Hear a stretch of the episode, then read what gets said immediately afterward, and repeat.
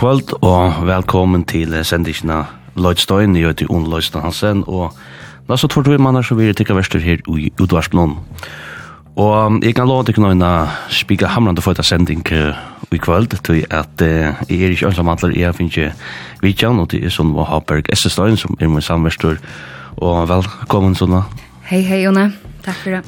Og til så sånn at uh, Sunva hon hever kjøsett en nødjan festival som heter Skrapt, som er i havn i uh, sommer, og til ilige som har høver at uh, Sunva er kommet i uh, utarstående her i Studio 4, at uh, hjelpbakken vi med liksom at, uh, ja, høyre sin morgen på en festival, men også spela tånlag som vi har høyre og Skrapt, og i rør bare ta om, om tånlag, og, og det som annars nå uh, kommer fram i en sånn sending, vi sender som kommer live her, Og til er, vi kan finne på hva som helst, nei. Det er så galt det ikke, sant? Men um, det er sånn at jeg husker lykka, lykka som jeg fyrir byrja til her, så husker lykke spyrir en hva er det for, for et uh, festival det er skratt? Um, det er det er nekka som ein og kvar eit og kvart mye styrer ikke burde haft. det er et slag av uh, mer oppkommande, spennende uh, feskon növnon som spela och alltså där block party vibe if du. Da du sier block party för det er jo mycket ordet vidt hva det er, så ja, hva det här. Ja, alltså skrapt verur av nyast och helt av torskøtt då. Mm. Det verur från cirka från her, eh Marie Paulsen eller Postas Chatline och man till kvon. Tas ju utanför perlorna, utanför den saruje och allt det här som är utanför fish and chips och breddel och ja, Allt det här vi omskapa till festivalet. Och Det var ikke en større paddler som stendte midt av utlån, og så stod vi følt ikke. Det var um, en, en paddler som var plasseret av kjemmerende, og ikke var gjøre kjemmerende, og det var det ikke, det var ikke stod vi følt ikke. Det var maks 2000 folk. Så har man bojer omkvar som er en blokk, man tenker som bojer omkvar vi betong, eller det er mer vi gjør det om til en festival vi. Ja, jeg kommer an til økker, du kan være, og og, og vi atler at vi har et først, for street food, det vi. Alle matvåkner skulle være velkomne som vanligvis ikke slipper av festivaler. Mm. Og, og så jeg begynte skrønne til jeg, og vannende i gåvekkere, uh, vi uh, forleg eksil at lære komme gjøre bøkmenta tiltøk, og vi vågne at rævlet uh, til elektroniske eksperimenterende, eksperimenterende prosjekt i Østen Kjemmer og gjerne installasjoner, så jeg spyr om dagen og, og sin ruta kvalitet, og så blir jeg tående galia skreien, mm. og så er det talan om en tjej åtta nøvn av paddelen utan, utanfyr, og så Ända ända tek man det ut värdera. Ja. Och det andra det är inte man lukar nämna värdera det. Ja, det är skönt i 8 juli. Mm. Försöker det lägger den i början och så såna där. Någon där juli. Ta har vi gjort avtal vi svimjötlarna om, om att vi får ha mörska lägga här och, och här var en isländsk DJ att spela ambientan elektronisk tonlök. Mm. Och lägga därför här tror jag det är mer. Det är det är nog så exklusivt det är ju så här så det är marska plats i symmedel men men alla det som köper biljetter får så för förgångsrätt till det. Och så var det eh efter ball eller hugg ner på innan. Ta såna kväll just. Vi får snacka nick för skrapt prata uh, och Jag hugsa lukka ganska við leikja fyrir við spela och sang við onkran einan ja einan som vi vera høyrra av festivalen og Ja, kan du du hur att börja vi? Ja, alltså vi har som nu är är det tjej fördisk och tjej utländsk namn. Og det er jo fem utländsk konsert og tre førsk konsert. Så jeg er meg at, uh, nei, fyra konsert. kongjørt. Jeg er meg faktisk at jeg kommer vi omkring nødgjønne i, i, kveld, mm. uh, som ikke er lagt av än enn fyren på et nå. Um, Men jeg halte vi for å byrja vi omkring tog som er av skronde lanko, som, som folk har finnet jeg vita, og jeg atle hoksa jeg ut vi gugus her, hun mm. nøyja når jeg ur Reykjavik, gjør Atlantøvningen heima i sin kamera, og nu gjør tver plater ut, nå som nøyja når jeg gommel, og nå vunne uslenskar eh, byruslønner for beste utgave og sånt. Og hun har vært lærer her som heter Rød, Rødden i kletterne, ja. som er fantastisk. Ja, det vi får alle tjøy. Det er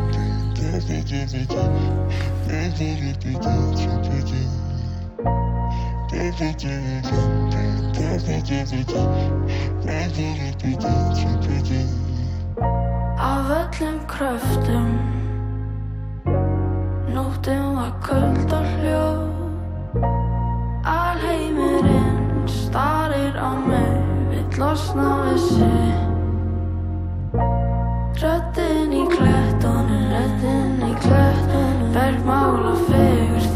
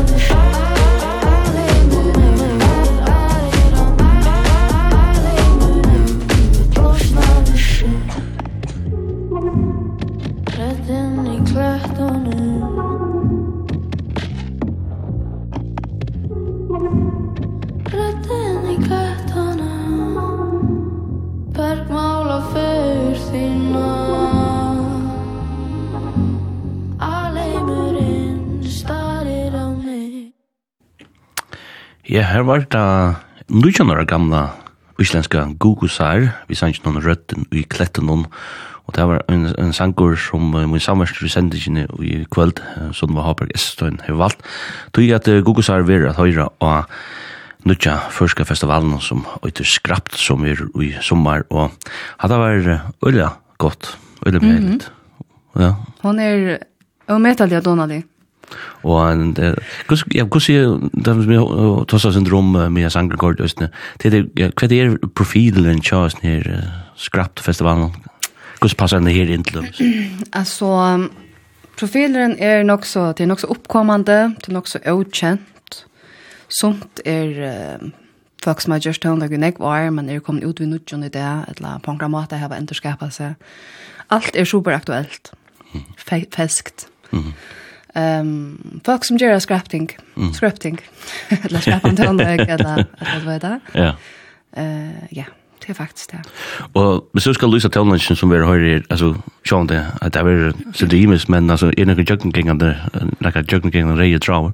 Ja, det är um, det är nog som nek um, Alltså det är till elektroniskt, en pastor elektronisk är sen experimenterande, men så är det också elektroniskt hiphop. Mm og ivrig i mer, mer R&B slett uh, hip-hop feel og vibe uh, og R&B pop Um, så det er noe som flyter seg fra sånn elektronisk og eksperimenterende, i vil hiphop, i vil R&B, alt det er som den kante. Mm.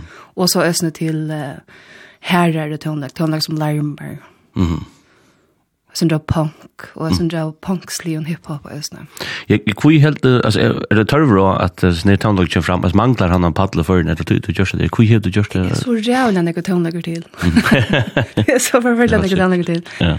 Och och alla tonlagen som är kan inte spela av de få tilltag som är. Själv om det då. Mhm. Rymdan ek tiltøk, så er det, det her er så rævlan ek, va? Ehm här är jag näck som inte kan spela som är festivalen här är näck som inte kan spela G festivalen Voxbot Thursfest och så vidare. Nu ska man vet inte jag kvätt är festivaler inte men eller vad som allt här är festivaler. Ja. Men ehm det är ju annan definition. Men men här är så rejält näck och jag vet jag har ju gusser en plan.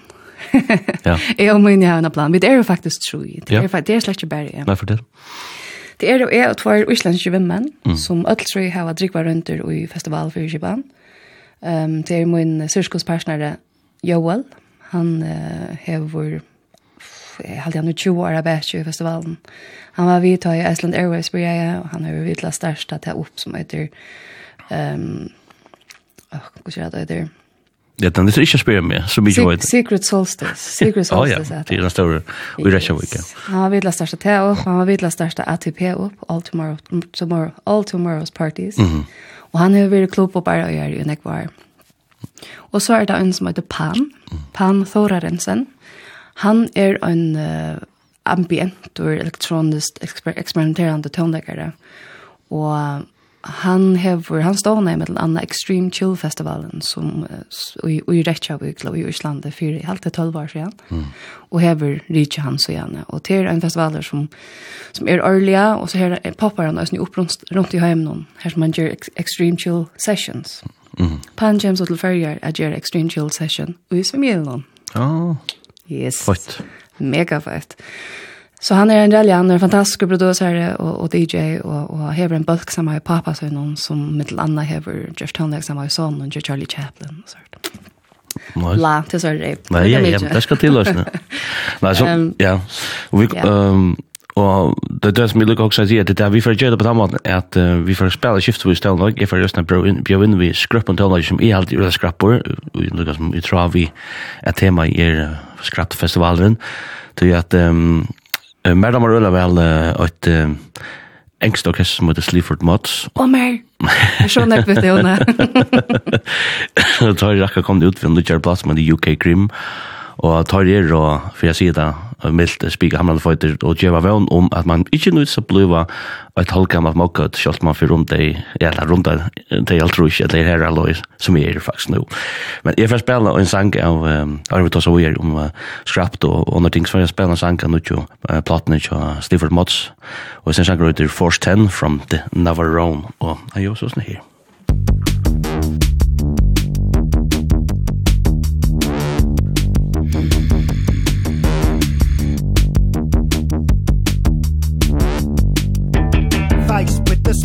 a ball day. I'm going on about it in the morning to me. I'm losing in the end and I've gone too far. Forced temp from Navarone is a shot by Dodd Cause we never aimed it In the box of isolation.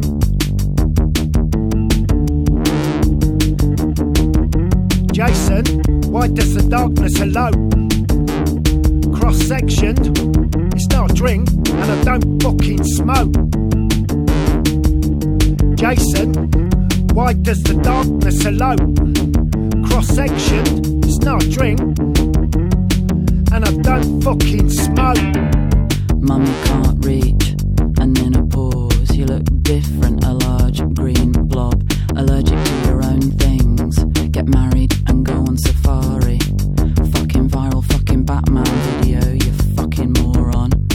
Why don't you phone up, spine bend, leg sink, scooter club shit smell, that's my roadkill hat, don't touch it.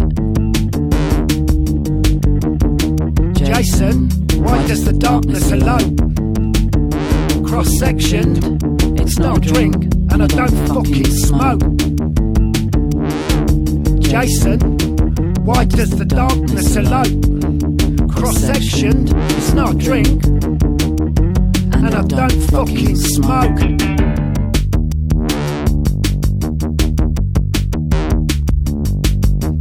Instinct is all, it's a meat to our bones. So hang on to the cable car for ten from Navarone Freeze if your balls and keep your gun up on your neck. Balls ten from a contract. He still believes it's not dead But it is.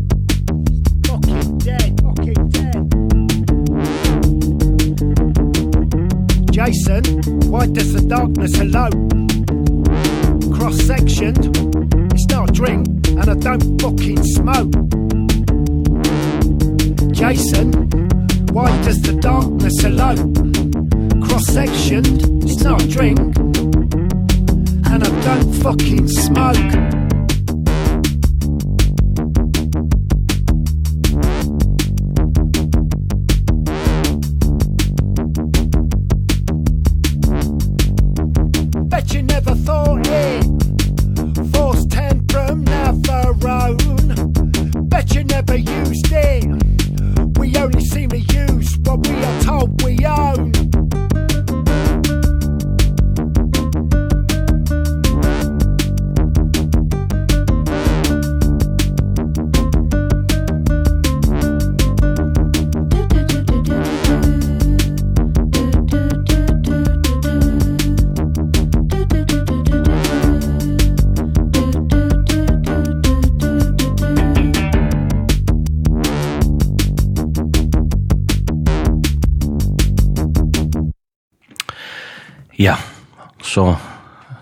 man sige at uh, at det her var Spielhamran for at det var First End from the Navarone sanger tja and Scott Lever Mods og en spinnny sanger autora spinnny som er UK Grim en balkur som uh, er stjärn og det just the voice nishi dela. Yes.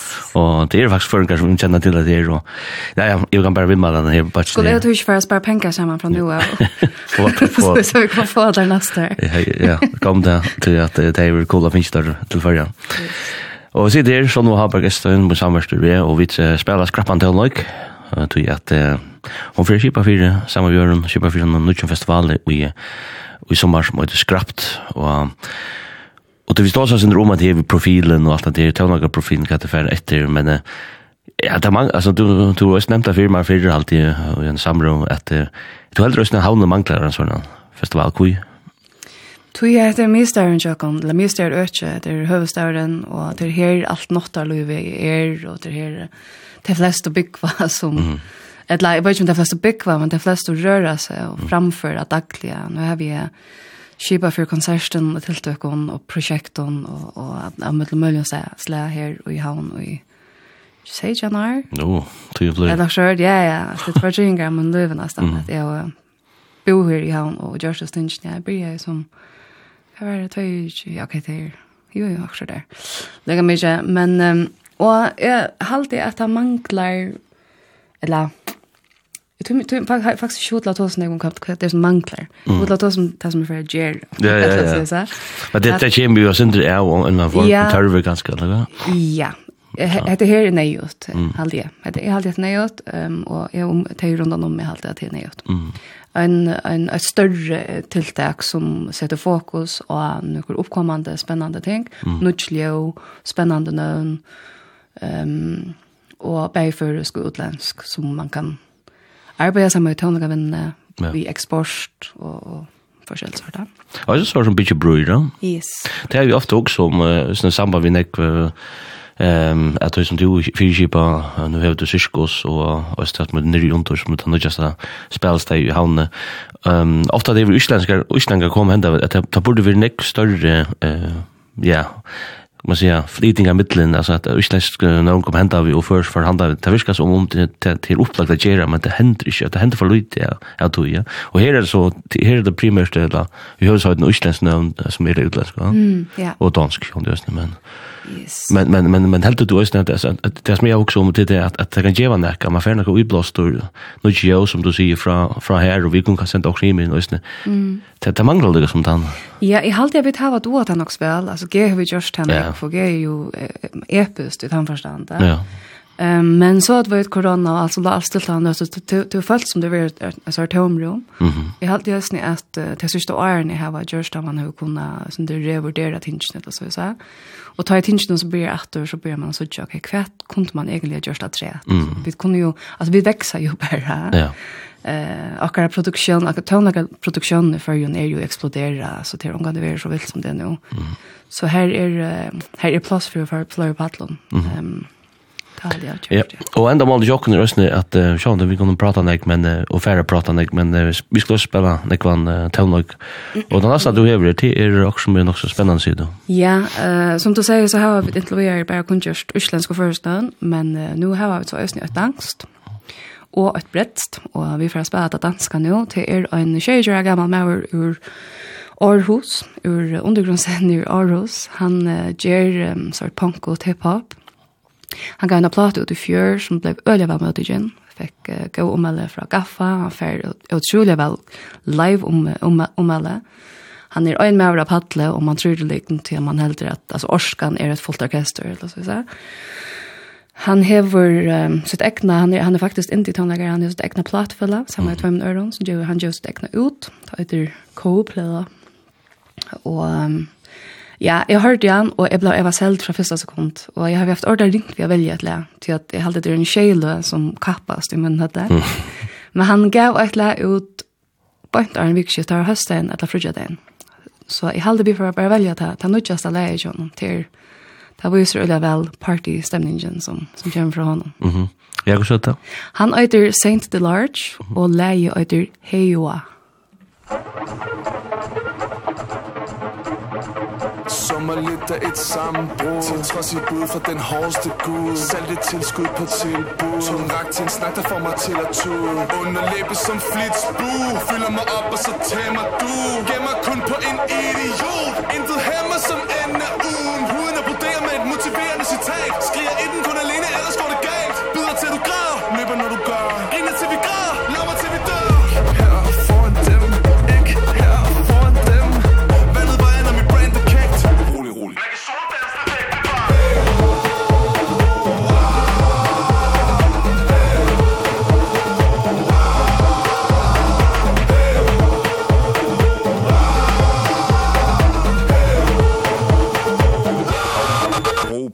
på det øjne, der er ingen, der vil glo på. Prøver ikke at forstå alt det du vil tilstå. Kender ikke de kinder som du stod på. Salt og sletter, jeg har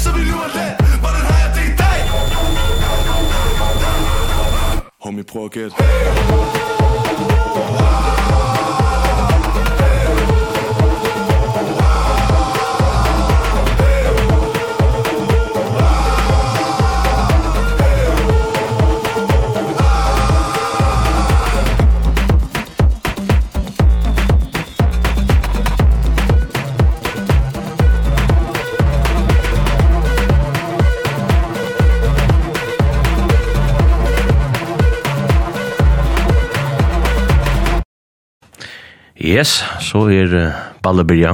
Her var det danske Sankt uh, Delarge ur Aarhus, um, som spalte sangen Heioa. Og jeg spiller noen sjanker til honom, og etter vi er høyre i uh, Anudja festivalen som er i Havn og Sommar, som heter Skrapt. Yes. Og det var min, ja, den mikrofonen har tatt her på han til. Ja. Og det var min samverstyr som var Haberg Estrøm, som jeg visste at her, og hever liksom finnes jeg her, eh, det er til farja. Det var spennende. Det her, hatt skal nok rikka uh, mitt i havn. Ja, det var sjukt. Ja, ja. Du, også mye hoksan lykka få ut av vene på en av en tid. Um, det er sommer i førjen øyne tatt pakka vi uh, vi i imiske tiltøk og festivalen og sånn, ikke? Og det hele ikke siden, sier at det var kjent av 8. Uh, juli. juli. Og til er som vi skiftet Arjen G-festivalen, som pleier å bli akkurat høsta, viktig høsta. Det tatt på, og ja, hvordan spør du til å valgte å legge det her? Du, det händer ikke til vikskiftet. Perfekt, det vikskiftet. Hukte ett kalendern och jag hukte efter ötlån som skjer i fargen, Och akkurat det här vikskiftet sker inte.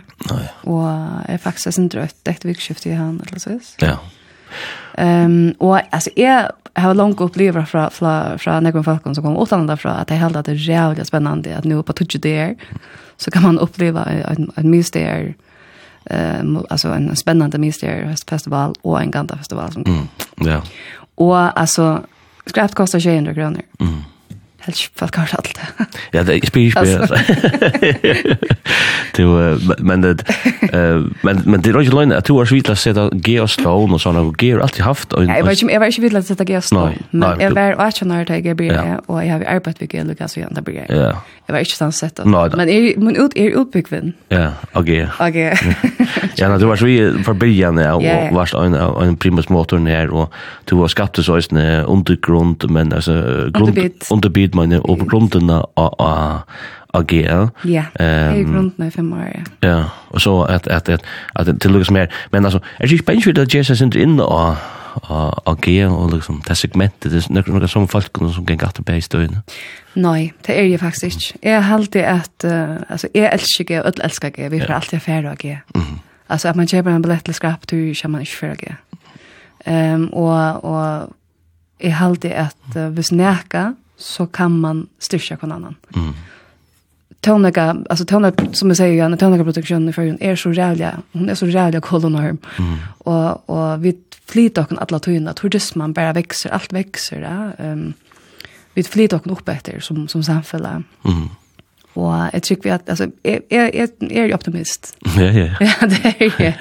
Jeg tror vi at jeg kan bare ha godt for Og jeg halte jo som formaten er så rei imest, ja. Altså, du er, skrapt er et blockparty i havn, og, og G er et, et gandaland i gøt, og eh, til imske dier, til imest, til skrapt er nekmere nisjot. Um, så nøy, det halte jeg ikke. Jeg halte vi snakka, så jeg skrapt en ekstra paddler til alt det oppkommande som ikke fair plass i sommer. Mm Ja.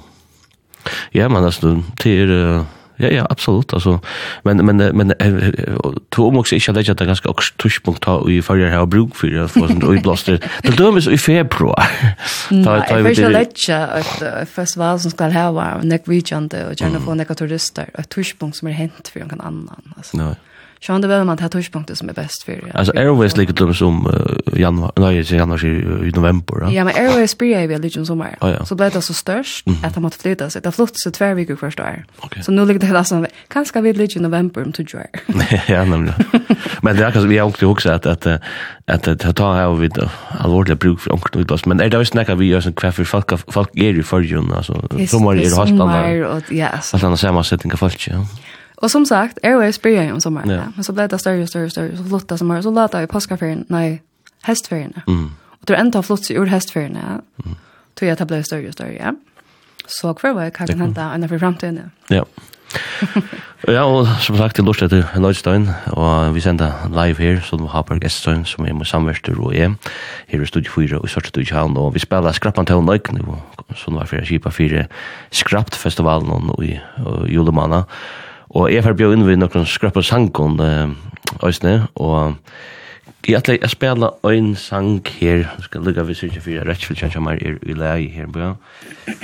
Ja, jeg får spela en sang som er en av John Dam som heter Billy Nomads, som vi kom fram av samt, uh, out i etter lorsen ikke til Slifford Mods, da hatt vi en sanje uh, som heter Morgan Minty, uh, og jeg fattelig banna vi en fyrir sin damen her som er, ja, ja, Hon er en skrøp alltid, hon har en et størst uttrykk og en størst søv, og, og hon er akkurat givet ikke platt ut, og henne, og henne er en sanger som heter Blue Bones, og her er sort uh, sujehøyd som heter Death Wish, og han gjør sånn her.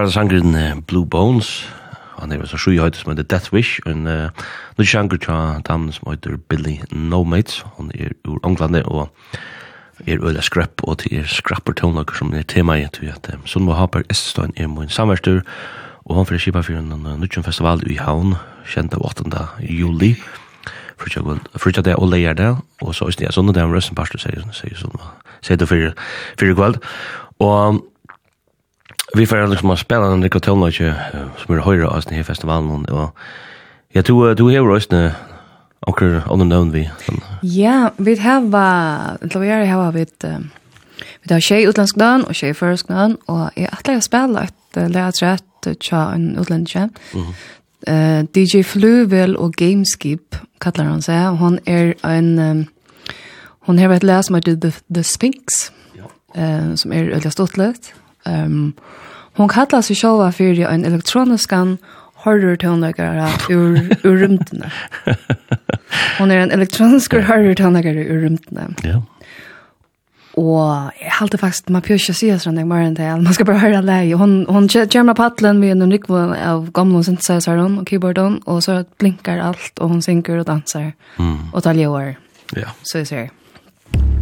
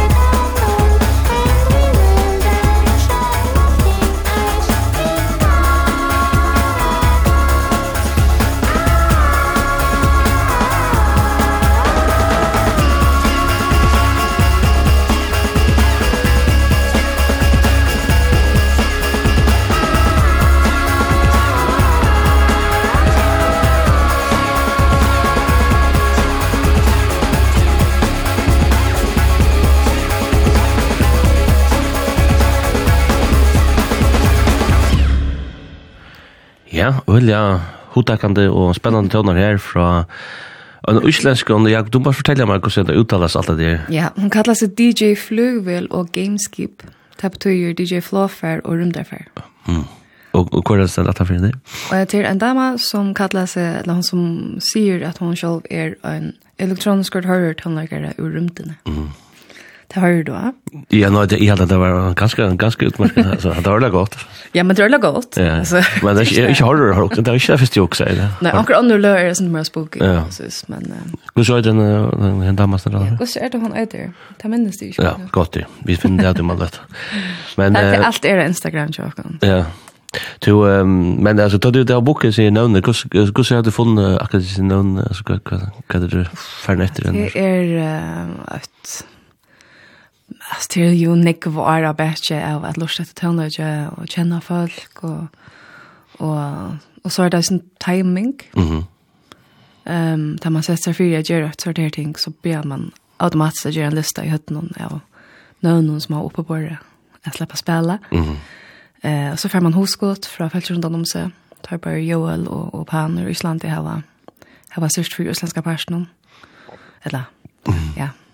Um, Og så poppa det opp lukka som jeg synes jeg Gensjena, um, her er noen, noen føresk nøvn som jeg halte øye skulle spille mm. som er omkring stedet i førgjene, og til skulle spille, til skulle ha en padla spille.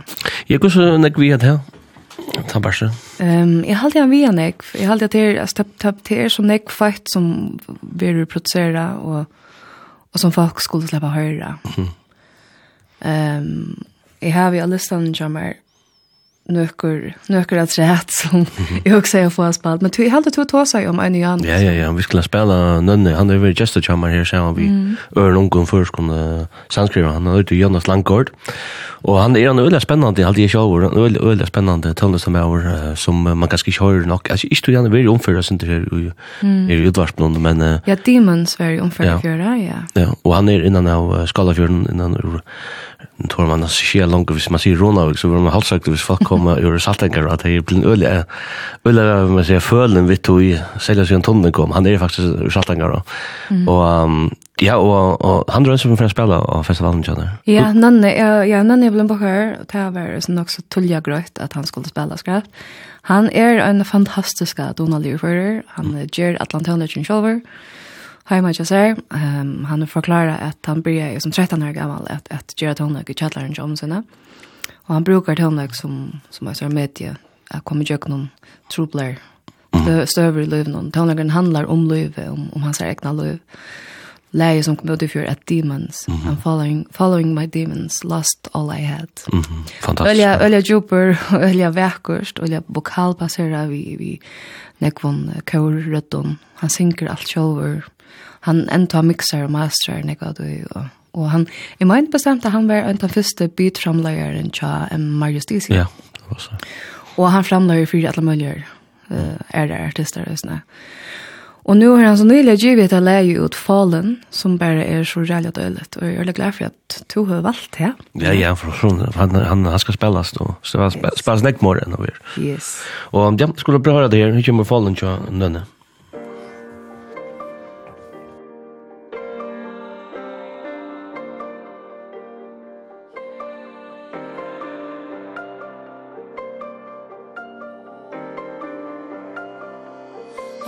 feelings are falling. Time after time I'm running from something. I just wanna go back To before I was nothing. I just wanna reach out somewhere For someone. I'm so tired of waiting out.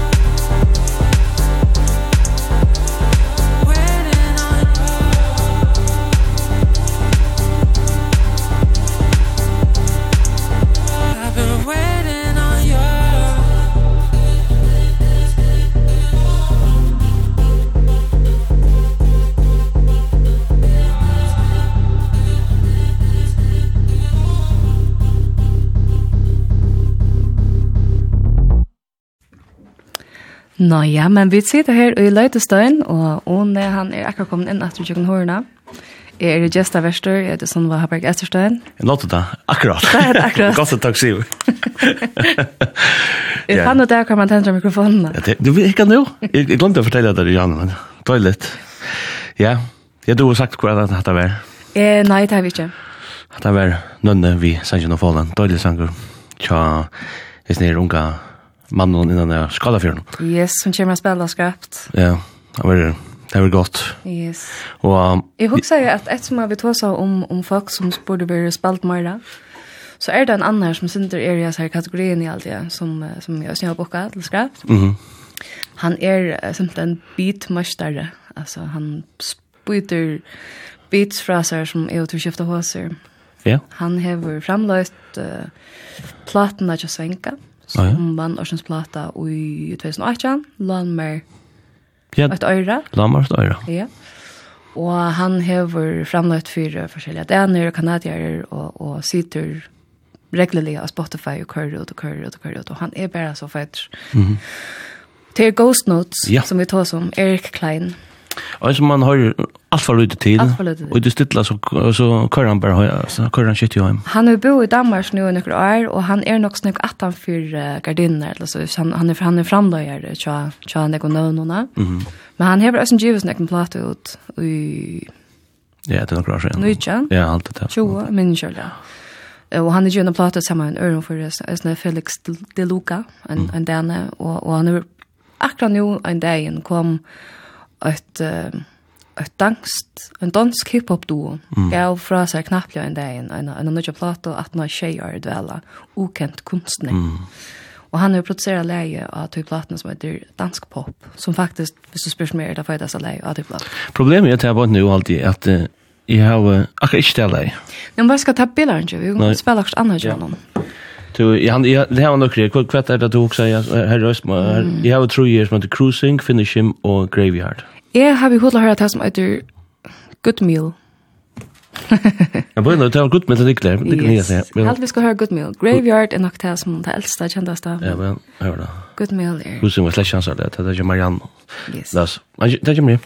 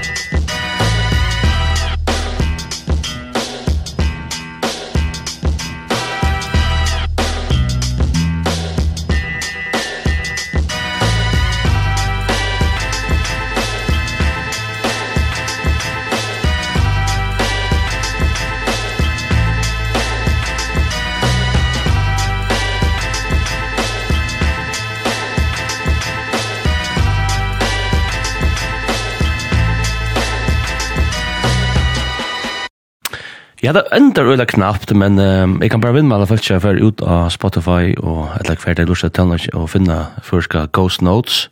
Og jeg nu har Instagram. Han sitter her og kører brått ut alle tøyene. Ja. Det er kanskje det som jag hörde här var nog ett, et sample som han har gjort. Mm. Han samplar alt mulig och gör en Beats på sure. Ja. Og det kommer vi til å høre det sikkert en timme jeg har skrevet. Mm. Man får bare skrua forfra og gjøre det aller beste. Så. Og Maren som stendt etter for Ghost Notes, han øyder Erik Reitersson Klein, og han er en Maren som, jeg var virkelig under førjen Arna Flotten nyer, og han var kanskje vujer, men han køyer ordentlig under radaren, han var veldig ikke hva han gjør. Ja, han er helt kjent også snakk om. Jag blir känd för dig. Jag blir känd för dig. Nej. Det är det som är. Men han kommer, vi skulle ha en hemma spärrskapt. Ja. Så tar jag. Jeg har også haft en standard avtal. Vi har får han i Lloydstein så at uh, tema er just när han fast ut av. Ja. Yes. Vi kommer til. Og jeg vet at nå nu är slash diskran där det vet att slash runt att folk fast skrive inn, og, og ja, så er gick ju noll. jeg finner et uh, bo av messenger jeg skriver inn at, som er en stor 4% så da skal han tona sending være. Og en skrøp sending hemma hör tona som man ikke visste man domte jo kanskje en bedre tona du ikke visste at det er ikke domte. Och nu har det skrep på han av de enska som var gammalt mokket valgt gammalt arbeidsstoff. Så det ser vi jeg vet, för jeg kittlet det på matar som ikke visste at det dumt. Ja, nämligen. Alltså det er veldig, så att att här att han kan glede seg till till skrapt. Men du men du setter, setter hardt uh, med røren för att få det her vi. Du är tyvärr borstad runt det låter från sändningen. Ja, jeg får kjøre vi er ut av den orkester orkestren. Um, ta neste som jeg atler jeg presenterer til er Hermeger, Hermegervill. Han er en Østlendere som har gjort ståndøk i 20 år eller så. Ja. Og han ble vi et endeskapet, så ble vi av å fesker og nødgjør. Han er mittelen Anna, Østene, framlegere i FM Belfast, Bøltsjøen. Oh, ja. Som han har vi reagert, Rælia Føydebakker, som mittelen har vi reagert. Og han hever givet tver plater ut som øyder, som øyder jeg minns ikke hvordan det er akkurat hvordan det men det er nekka vi at det går mot uslensk poplø, mm -hmm. som han ger omater i en sort uh, disco mm -hmm. elektroniskt skik, uh, ne, hem eller så ja. Og han bara tonlager som han tonlager som han gjør, er bara iverhøver pep hour uh, eh mel mel melodiskor og Og han är så jävla vän vi er framför live. Så jag glömmer meg rannig å få han å, å spille skrapt. Han är, han är öliga skrapt. Man finner oss på Youtube, finner man sådana links, live sessions her som man bare sender DJ er og spiller og gjør alt mulig. Da. Um, vi får alltså höra ett läge honom som heter Sisi. Nu hoppas jag alt lykkes som det ska.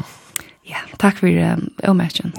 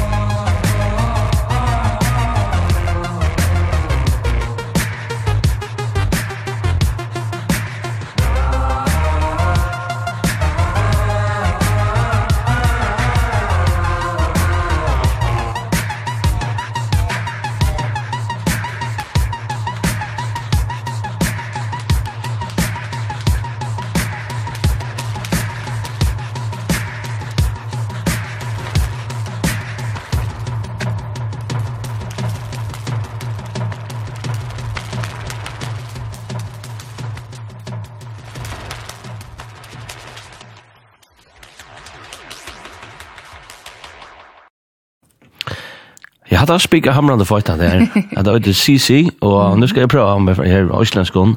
Hermingervill. Hermingervill. Ja. Hermingervill. Att det var höra av skraftfestivalen som vi är i i Havne och i Julemanna, kjent av åttanda, og at her, hatt det her, hatt det skik, hatt det Ja, han er ordentlig han han er, han er balle, han er efterballi og och og alt rundt om og Arjen ja. og at nå. Men det er sånn lek lekkert, altså. Ja, jo, virkelig. Ja. Han er gøy, gøy producer.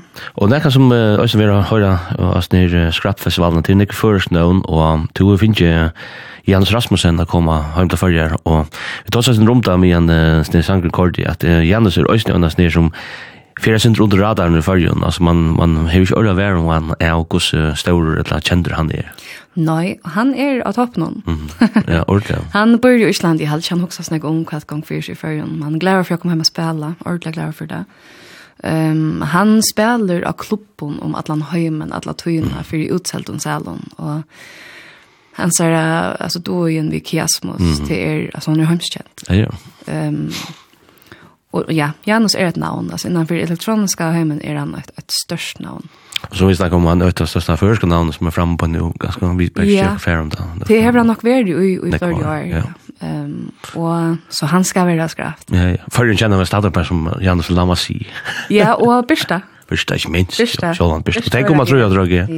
Det er faktisk nok størst skop i G-festivalen. Ja, det er mega megafest. Det er spennende. Det kommer vi nødvendig tilfære nå. Mm. Men uh, han er var så um, just också vi under uh, som heter An Anima, Anima, Anima, og en som heter Delia de France, det er en sang som heter Claire, det er veldig godt, og det er så kort inn i en listan som jeg har haft, en, en lista, Spotify-lista til det, liksom at uh, kipa sendingen etter noen rett, og kipa skal si at det er litt renn, jeg tøvler ikke mer vi spiller, men... Uh, jeg klarer det, Ron. Ja, ja, det er fint, det er ganger fint, det bør ikke alltid være så skriptet, det høyna. Men, men uh, Janus sender så at det er til og med en point iron, og jeg halte det er veldig godt, og skal bare høre det her som heter Claire. Yes. Yes. Thank you.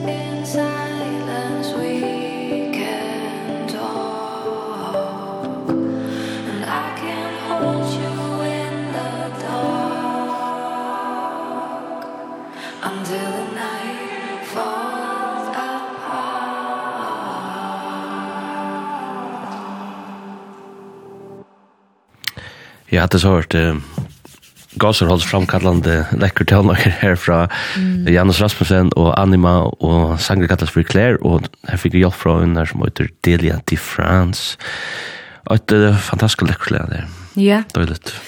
Janus Rasmussen han är uh, han är uh, otroligt utrolig utrolig Otroligt. um, Och en man rör inte just ja geni om att låta så men han är ja han fantastisk. Han är går sig en av de helst friast i varje till det kommer till tällar framlags då och gör tällar och tar bara bi han och säkert bi långt och helt atri som smadronje nærmast at gjera sånn en elektronisk kontroll. Mm. Hva var det det kallet seg? Hi-hat. Ja, hi-hat. Hi-hat var det først.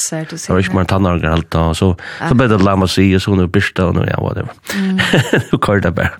Så det här är spännande att höra och døylet att det är vekkert. Ja, och som sagt, Janus, han fyller klubbar runt i Berlin mm. och Amsterdam, och jeg vet ikke hver, og nu, nu kommer han att skrapt. Skrapt. Yes.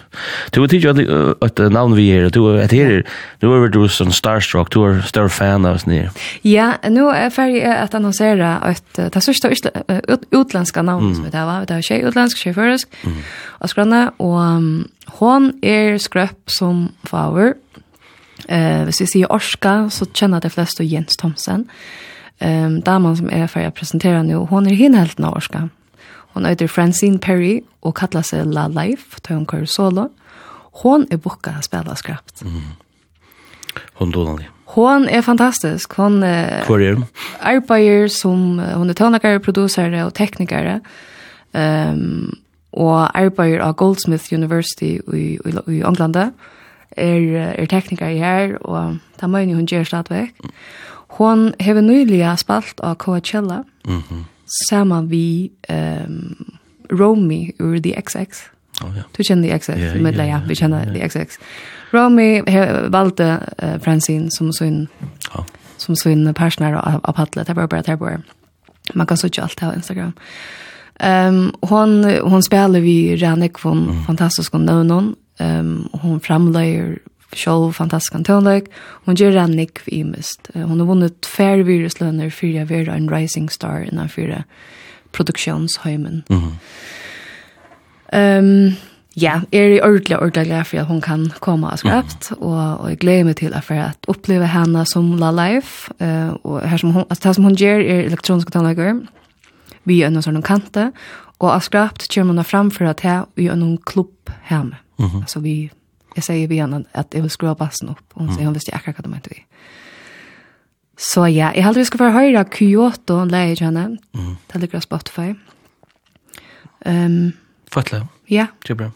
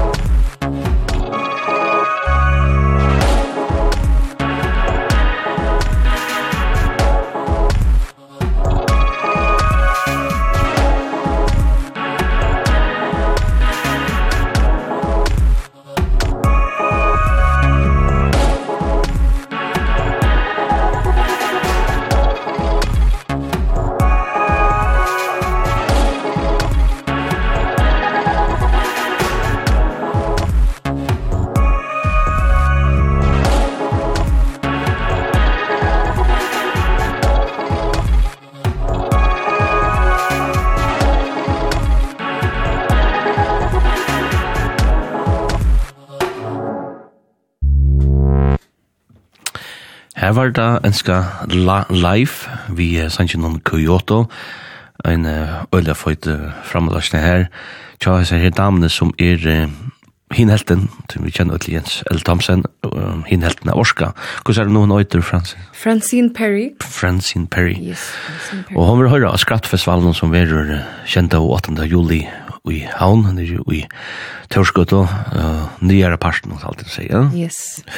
Og det er sånn Nudje festivalen som Sundva Halberg Estsen er en av fyrkjøperne nå, og hun er mot samverstur, og vi spiller tøvnlag som vi høyre her nere, og jeg har spalt oss i akkurat det. Annars skrappa tøvnlag som kanskje ikke vil høre, men vi vøvna fyrrelsøtten vi høyre. Det skrapt. Yes. Tu er vår, ja, tu er også flere først navn vi, og i halde også vi skulle hava teg vi her og sendte ikke tu tog at vi spela, vi spiller, i røyne, vi sier her jo, a lute, a lute, bete av, tui og han sendi så rundt jeg spela John Shitboys det har vi spalt sånn ekvann det er gøy å fytla vi gjør det er ikke som de har arbeidet eh, innenfor fiskevinna man var lasta med og som gott å hava sånne ting av fytle og ivi. Mm -hmm. Men tar røstene spika hamrande føyter og er allvarliga i gang vi at uh, skapa seg en altkjava och og blir omtaler av ungnøren en Iggy Pop og Rick Rubin. Og der spiller skrapt. Där spelar reale skrapt og spiller av skrapt. Nemlig, ja. Da har vi hørt nere i Tørskottet og i, och i, og i Junglemanna. Og ja, vi skal høre sanger som heter Save the Planet Utom Shit.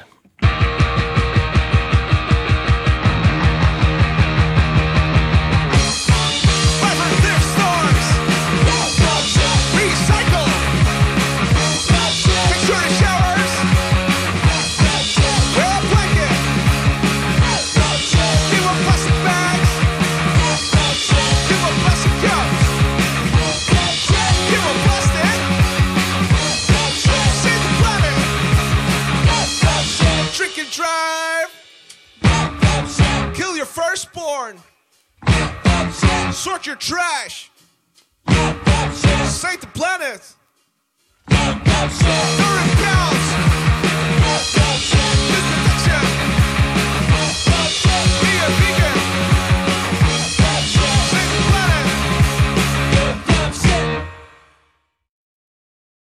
Ja, til det man må være klarer og The Trigger, det her var en sang Pull the Trigger, tror jeg at John Shitboy tar spela spiller Sjødan Tonlag og til kjøttet i just det, just det, vi skulle lukka finn. 55 sekund. 55 sekunder det er faktisk en langere leie ikke at de Save the Planet, you dumb shit, at sangren, og at det er fantastisk ja en førkombalse som ordentlig gjør ringar i vattnet, et eller annet, sier, hold i kjekven, kan man vil, og utivere oss, det er ganske ikke nek fargen som dyrka katastleit, men hvis du først til eh, bøyer eller nere i Europa eller i USA, så er det samanlagt nekk folk som dyrker, mm. eller punkt eller nok. Ja, og vi dyrker det. Vi dyrker det. spela skrap. Dyrker spela skrap, og det skulle det er for det gjør vi vi eh vi maner som man säger. Yes. Du är du har tagit liksom ja. Jag också är som med Aero alarm att ända någon så kunde vi gott för vi är lite annat som nog inte kommer att vara snägg vi omfärg och dörst någon. Ehm men som du vet är det omfärg tja okkon personliga. det er Supervision. Supervision er nok så nytt navn. Hva er det fra? Eh, Supervision, han er øyde Lasse mm. Jäger, han bor i Färjön, han er denne. Mm. Eh, uh, bor i Färjön och han uh, finns just vi elektroniskt och, och förskjell tekniskt och i Nekvar. Och, um, akkurat Supervision er et særlig prosjekt, jo noen, um, her som han er sampler røttene til kvannet, ikke uh, Louv Maria Råd etter jag. Ja, ja, nemlig, ja. Det her er jo også hver, ja, her var det. Yes, og, og det er en, det er et stort litt prosjekt, det er feite tannlegger, sveke tannlegger, vi er noen tviste av eksistensialismo i Udøy, eller så vis. Mm. Um, han gav nylig ut sitt første le, uh, første stekle, et telta, og ja. han får komma vid i fløyre, så han er østene superaktueller. Han skal også spela skraft. Ja, for å høre hvordan det gjør.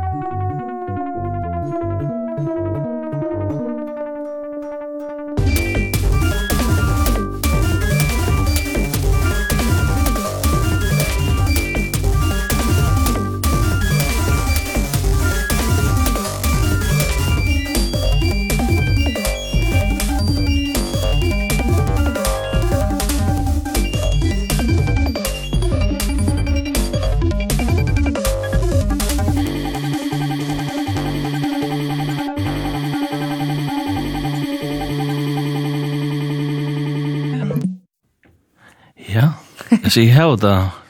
jeg vet ikke, jeg har det sint det særligt alltid på et nivå, altså, det er det som er det vært av meg, vi i minst kontelner, ikke til at ångte, så føler man seg sint det sånn der, totalt, altså, lost, altså, hva, hva var det?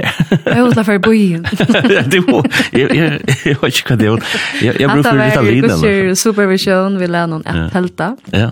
Hatta en sjankra, han inspirerar av en sjankra som kallas footwork. Footwork? Jeg halte en honor som kallas, kallas juke, um, og så er det en blanding av techno og noise og footwork. Og jeg er faktisk bonda av vidt, og supervision, jeg synes, vi kommer, kommer nærmere akkurat nøyren, altså i vår okkara felags intresse fyrir footwork sjankna. Da hørte jeg en fest før, så så tog jo igjen, sier, du spiller footwork. Ja. Og altså, er det at det er sjått at ligger det, at det her, hva ligger det? Ja, det er handan, jeg vet ikke hvordan rutt man øyter, da må jeg spyrja Jens, eller, Ja. eller Lasse. lasa. Men ja, Du kan løyta footwork shank. Ja. Her er en annan, her er en DJ som til dømes Jens og Jorska vil introdusere med fyrir det som kallas fyrir Rashad, som mm. er en nok så legendarisk footwork. Og du sier for mer at, at det her er så mye populært som i England, at han er langt bliven liksom.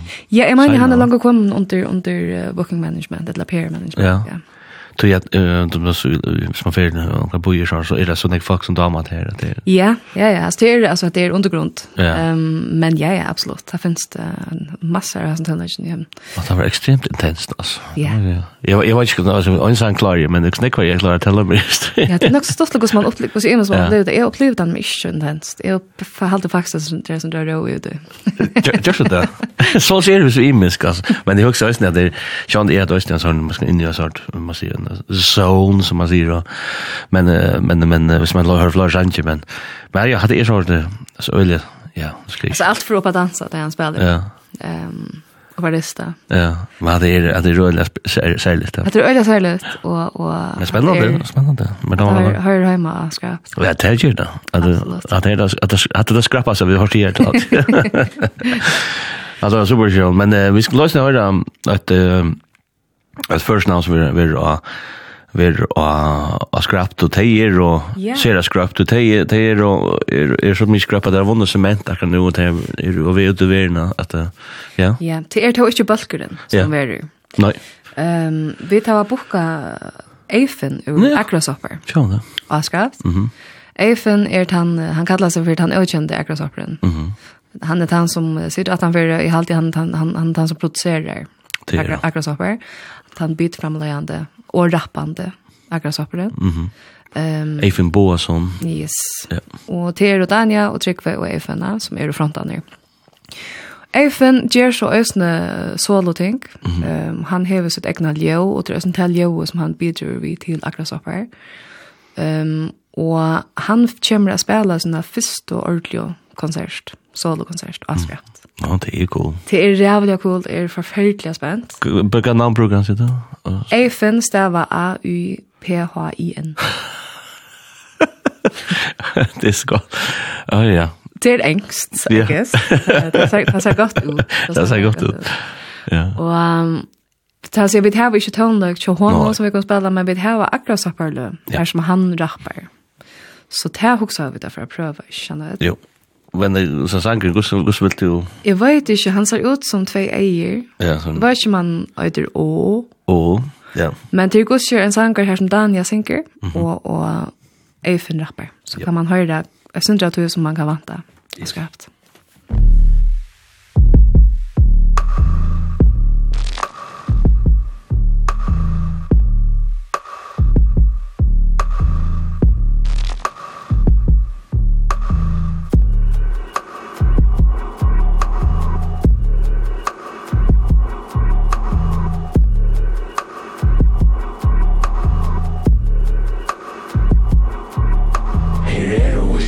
og stavar og tekje nu kon og lusa kvosso i havet der i løytene Og med var lukte jeg meg og så sier han et do i ikke vel at han færre deia Sitte lengt ut av nåttena saman Bære mot løy vi råkning kom kom og sette i bilen vi mer Hafiri er og nei, jeg skal gjøre det samme Læt og kongjere stiver, jeg skal gjøre hver vi denda Hei,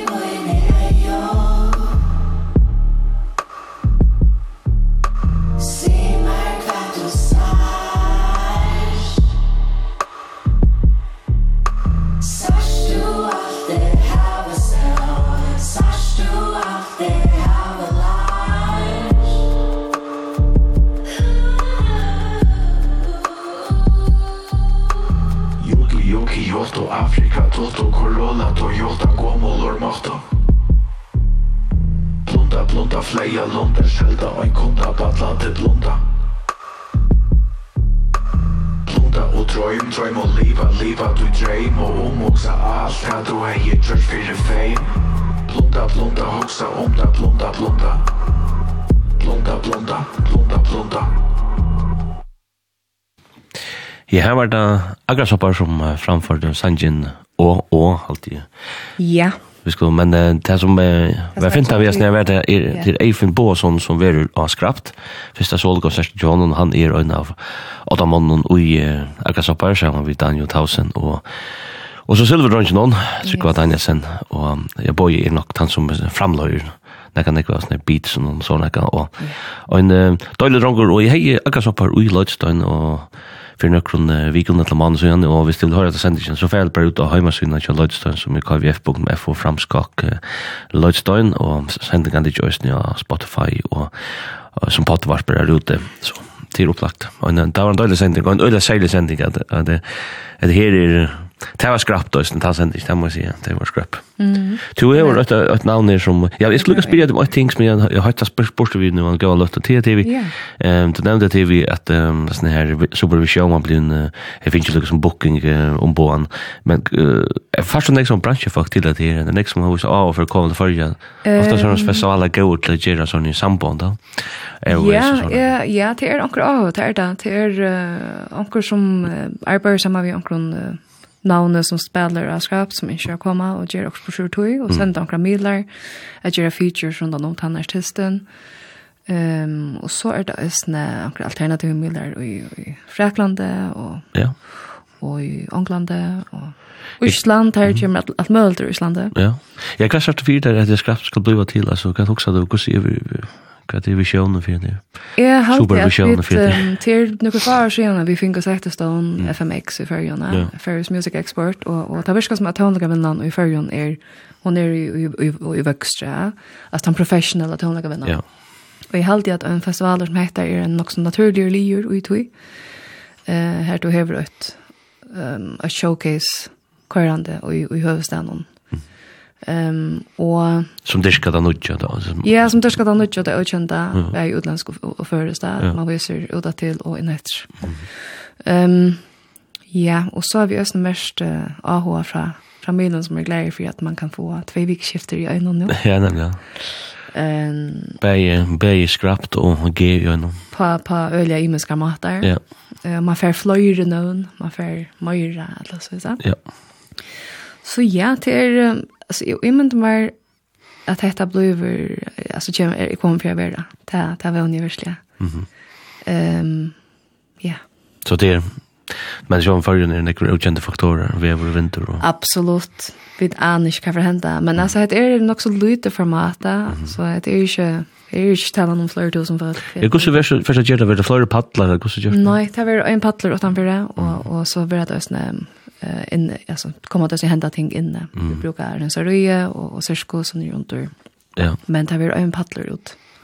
Så och så vet det område här nere att törskut som vi gör. Party party förnämmelse vi just ösnon och street food festivaler att rätt. Ja. Och och bokmenter och installationer. Och Jeg fratte nå en dag at uh, Petra Ulveren blir framført som badnaleker mm -hmm. inne i kjøphattelen, og han leier det en klant lei. det er sommertanner, det er alltid ræfet. det er det Det er så cool. Så, så. det er sånn det er spin-offs. Yes. Så var Men det var det att lära här det känner klart. Ja, ehm det här är ösnä ett ursnängsnamn. Um, hon kallar seg for Cell 7 og hon heter Ragna Hon er rappare, sangare, framløyere og utbyggvinn miljøteknikere. Hon er filippinsk opprona. Og hon hever gjørst om seg av islenska eh, hiphop-paddelon i ivet år. Og hon er i gang til å gjøre nytt tilfell ut. Og er ein, altså, et av mest rådfest og hiphop nå i Islandet. Eh, hon hever en rap professional, hon er fantastisk live, hon er fightlig og hon spyter fantastiskt alltså mm. spytter är alltså rappla. Är det det här ju? Att spytta inte ett över Spytt. Ja. Ja, det är bara ett slang för att rappa eller så. Ja, kvä. Spytt man spytter år eller så. Ja, kvä är kört. Ja, kanske jag har hört att en ska spytt men folk gör det sen stått lite. Ja, spytta. Ja. Um, ja, hon er bare passende tre utgave, og, og og hon er uh, altså, et navn som jeg har hørt øyne ikke om. Mm -hmm. uh, at, at live er hun framme i år, så jeg gleder meg at så kjenner live. Jeg har ikke live før, men jeg gleder meg så kjenne skraft. Mm. Hun har et lag som heter City Lights. Ja. Og ja, check it out. Thank.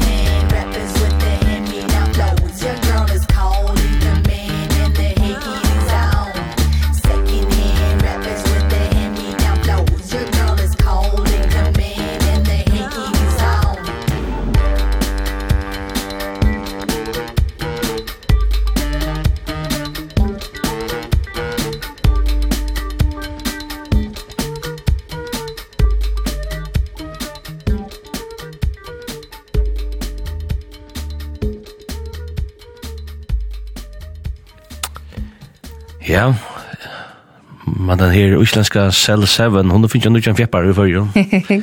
Lloyd Stein, City Lights kallar sangen her, at det her var spika hamrande fight. Han er, han er sjuk, ja, ordentlig. At det var ordentlig, ordentlig godt, og at det her råkne jeg vi for at det var et ordentlig ball. Absolut. Det gjør sånn såna öra läcker till någon men de som en brukar flöjter och såna sånt över så jag för som man ganske ikke alltid hører i sånn her konteksten, og det gav det ju sån høyta höjda känslor. Nice, nice, nice. Ja, han har en god attitude, godt, och gott godt vibe. Du, uh, som sagt så var det også nek først nevn at uh, høyre, og du, du gjerne høyre også Marianne Winter. Yes, Marianne Winter er av skrapskrone, hon er også ordentlig fisk, mm -hmm. hon er givet tvei nødstøklet i seneste. Just vi vi just nere. Og hon er Great Escape, Great Escape, og gjørst det ordentlig vel, og, og finnes ikke om og hon er, du vet, hon er en drottning, lo-fi R&B drottning, altså hon hever så nek større på det, det er så fornøyelse, altså Janne Vatlund, og høyre løgn i Janne. Er god skjer, er, er kjempe fan av Øtlund som er har skrapt, mm. og, og Marianne er ikke under det, altså. Hon er, hon er jøkkenført, mm. og hon er kjølsikker, og hon hever seg krisp, fantastisk røttene. Um, og løgene er bare catchy og fight, altså. Og ta han ikke har lærer fra henne, og The Consequences, mm -hmm. hun sier at, burde hørst det?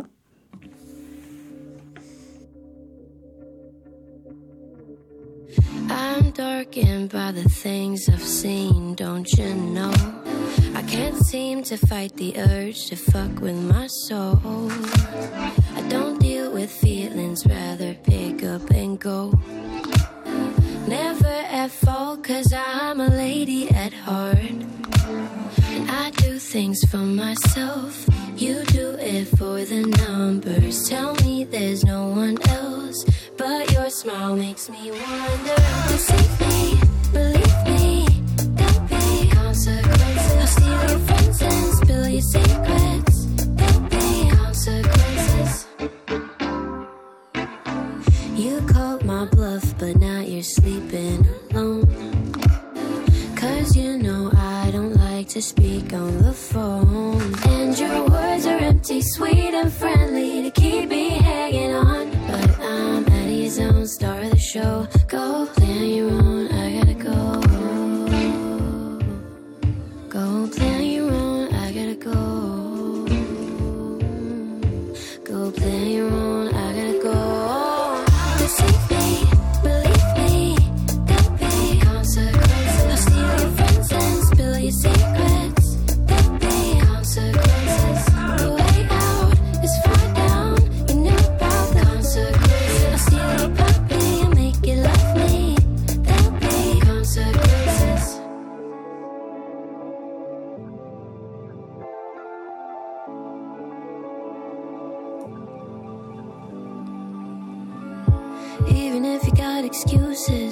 and got a million ways to use them I know you wanna pick and choose. The truth is gonna catch up to you.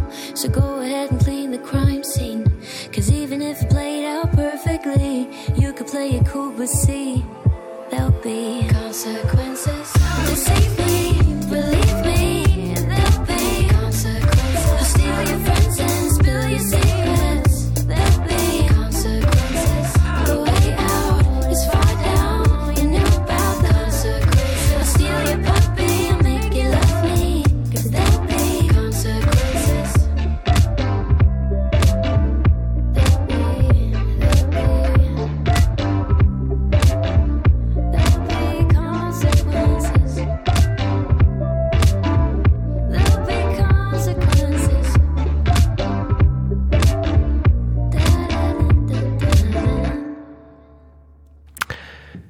Ja, fått förrest uh, hiphop R&B här vi uh, Marianne Winter. Saftig popper. Saftig, ja, popper. Mm. Consequences av den nye genren til Marianne Winter. Og han vill også och jag skrann till skrappfestivalen som er 8 og 28 8 uh, juli i Havn og tørskut i Havn. Og um, ja, det var spännande vidare så til for å spille, ja. Mm -hmm. Den första utgåvan där snär. Det är alltid ringt att börja när. Du pratar flörfyren. Du varst vi eh börja ja och och så är det underbyte och grund. Ja, börja nekting. Ja. Underbyt var det ödes ödes ödes skrapting. Var ödes skrapt och så har vi börja syskos och björkovan och landskrona och ny under och ja.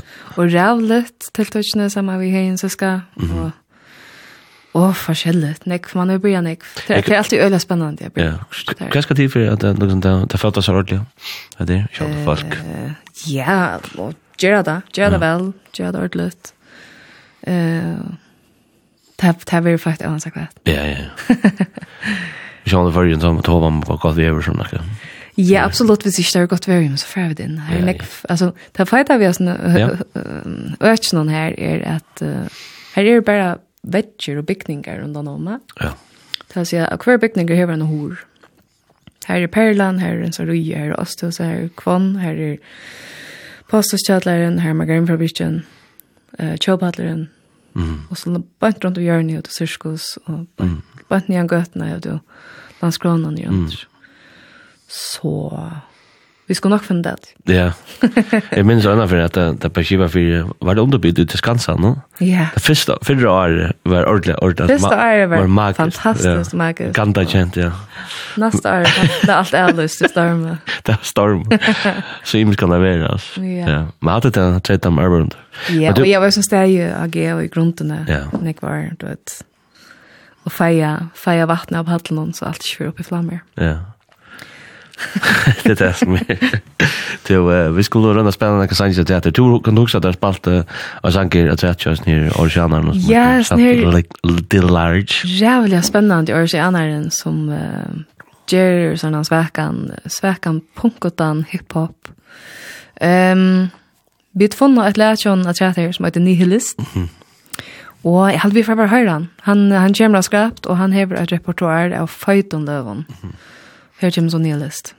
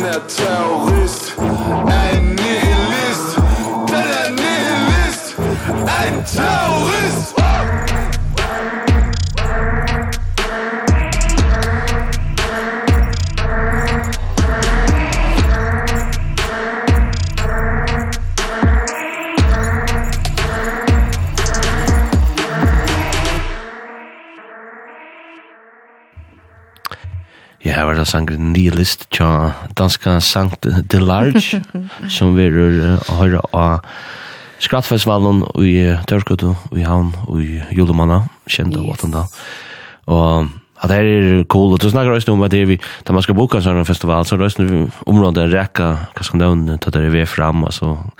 Så yeah. det er bedre omtekt til du er på det Ja, du spurte jo om profilene, det er jo, det er nekka vi, AHA og at uh, lusta i, i nekvar og at vi fylgja vi og, og så timing når man, når man høyre kvæt og når man får fætra akvarion og kvarjon og hver man får etter da. Mm. Så til alt det som du, det skal alt fettle opp og lage en god pjene hakker rundt. Ja. Og er så rævlig spent opp hendan her mannen her. det har jag där. Att det är att det är en tur stört ja. Hade näka som du du ska ordna. Mhm. Du att ehm ja ehm ja så så timing guys det är en test mig ofta vi först kom festivalen att att ofta är det så när man hvis man inte får det tullja så väntar man få att det där är nyer. Man färdar själv den toppen det är ganska bästa konserten som vi har förut vi har bare som vi toppen till nok blur då. Ja. Tjej av det, men det var jeg for i förra som visste jeg at blur var så størst, altså. det var ja det var 500 folk alltid også. Ja. Då stod blur att alltså og app. Mm. Men men det är så det, tar man det för ett down som vi så nek, och toppen någon. Ehm Alltid att eh, som office vann gjorde jag ett ordentligt koppa när Lucas Graham kom. Där först vi han var, där var han ordentligt fram. Og Det gjør det gøy Østen i Nephew. Nephew og vi Østen vi en show. Og Natasha Bedingfield. Ja. Hon var så Ja, ja. Och så han gör eh som är nu var Louis Capaldi, ja. Så nå så ja. Ja. Men han är lust. Han är lust. Men tar han ordentligt ordentligt alltså. Tar han ordentligt av. Brukt brukt kvinnedrapet som en ombering för 20 gånger. Fick bara pengar och resten. Du, uh, Men en annan som vi uh, bör om kan tåler att spela smöra. Ja, hundra. Mm, det er Ghost Notes. Ghost Notes, første. Ghost Notes. Første produceren, bitframlegeren, sampleren som stender at han fyrir en, en parstja svenka og, og mm. nekvann øron i Danmark og rundt omkring. Han kommer å spela skrapt. Han er oppe på å steg nekmar av padle. Så vi gleder oss til at Johan en større enn padle, godt anlegg og mm. djupan bass. Og, ja. og nekva spela til. Ja, han kom sang om det også. Jeg husker at hva er en fra som er The Graveyard. Graveyard.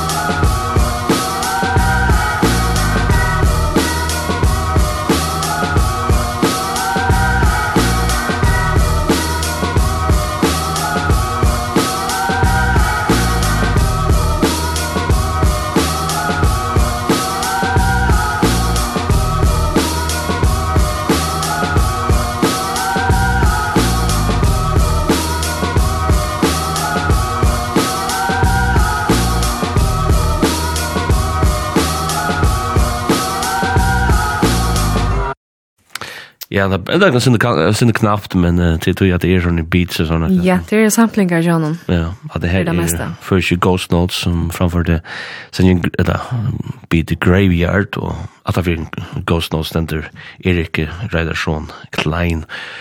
Han var Uh, Det var ikke den førjen Arna flott nye røstene, og så har gjort nek, og gjørs nek sammen, vi svenker sånn, en ser og dolan i maur, som real fa folk hadde gjør seg færre om alltid, men det er rønne vi det gjør. Yes. Jeg blir bøt til det, vi. Det brød av nå. Ja, det brød av nå.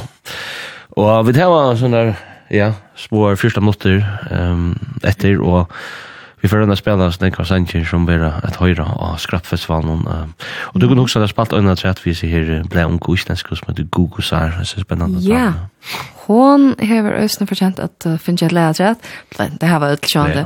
Men hon er en øyne spennende oppkommande dama, uh, hon er nøyjanar og hun gjør tverplater ut, hon er, hon Alltså öll öll halda eiga vi henne jag kan nu. Hon är en sån rusande stjärna mm. i i i Island um, hot shit. Mm, og uh, hon sitter heima og gjør alt i sånn her telt. Mm. Og, og så fører hun ut og framfører det ensam ut, eller vi er en trommespiller, eller en DJ, og teker et labelle. Og uh, det er, det er største søtjen her. Ja. Hon har et lærer her som heter Annar Kjens. Ja, hva, hva betyr det? Annar Kjens. Annar Kjens. Mm.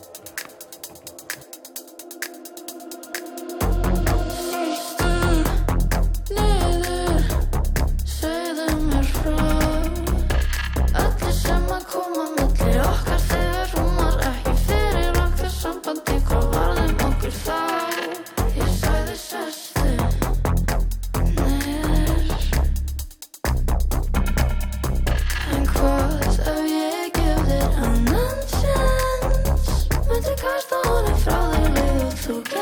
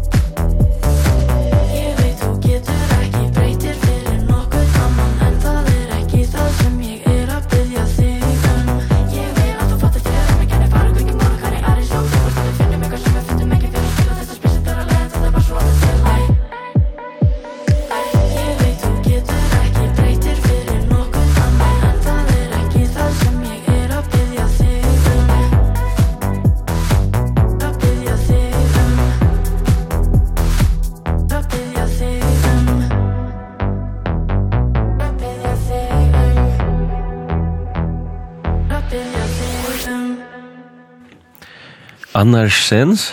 Annarsens. Annarsens.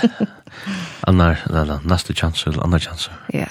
Fra Google her, en uh, spennende ung tøvnesakvinne, som er å høre av Skrappfestivalen, som er uh, kjent av 8. juli i uh, i Havn. Nytt, spilte nytt uh, konsept, som man sier det. Mm -hmm. Deler du det? Jeg gleder meg øyne, ikke? Mm. Det var godt. Leit du det? Ja, du verre ikke om det. Det hender ikke masse at det tøyspunkt er, og her er det av brittlopp som jeg skal til. Så det, er. du kan snøyde Ja, vi får sikkert om vi ikke kan få åks vi, at det. Det var det er. Det var det er, det er det som er. Så, men, men, og vi tar så rundt og spalt, vi sender ikke ned spalt tøvnlag som er høyre her, og, og vi tar rundt å få Vi tar en luttlar, luttlar, nuttje minutter etter. Vi skal prøve å vite om noe nå har tvær sannsyn til dette. Mhm. Du nevnte Jørg Janus, han er Ja, eh Jørg er min uh, personlige interessanter til Janus Rasmussen. Um, kom du også med hørst han? Står vi på det? Ja. Yeah.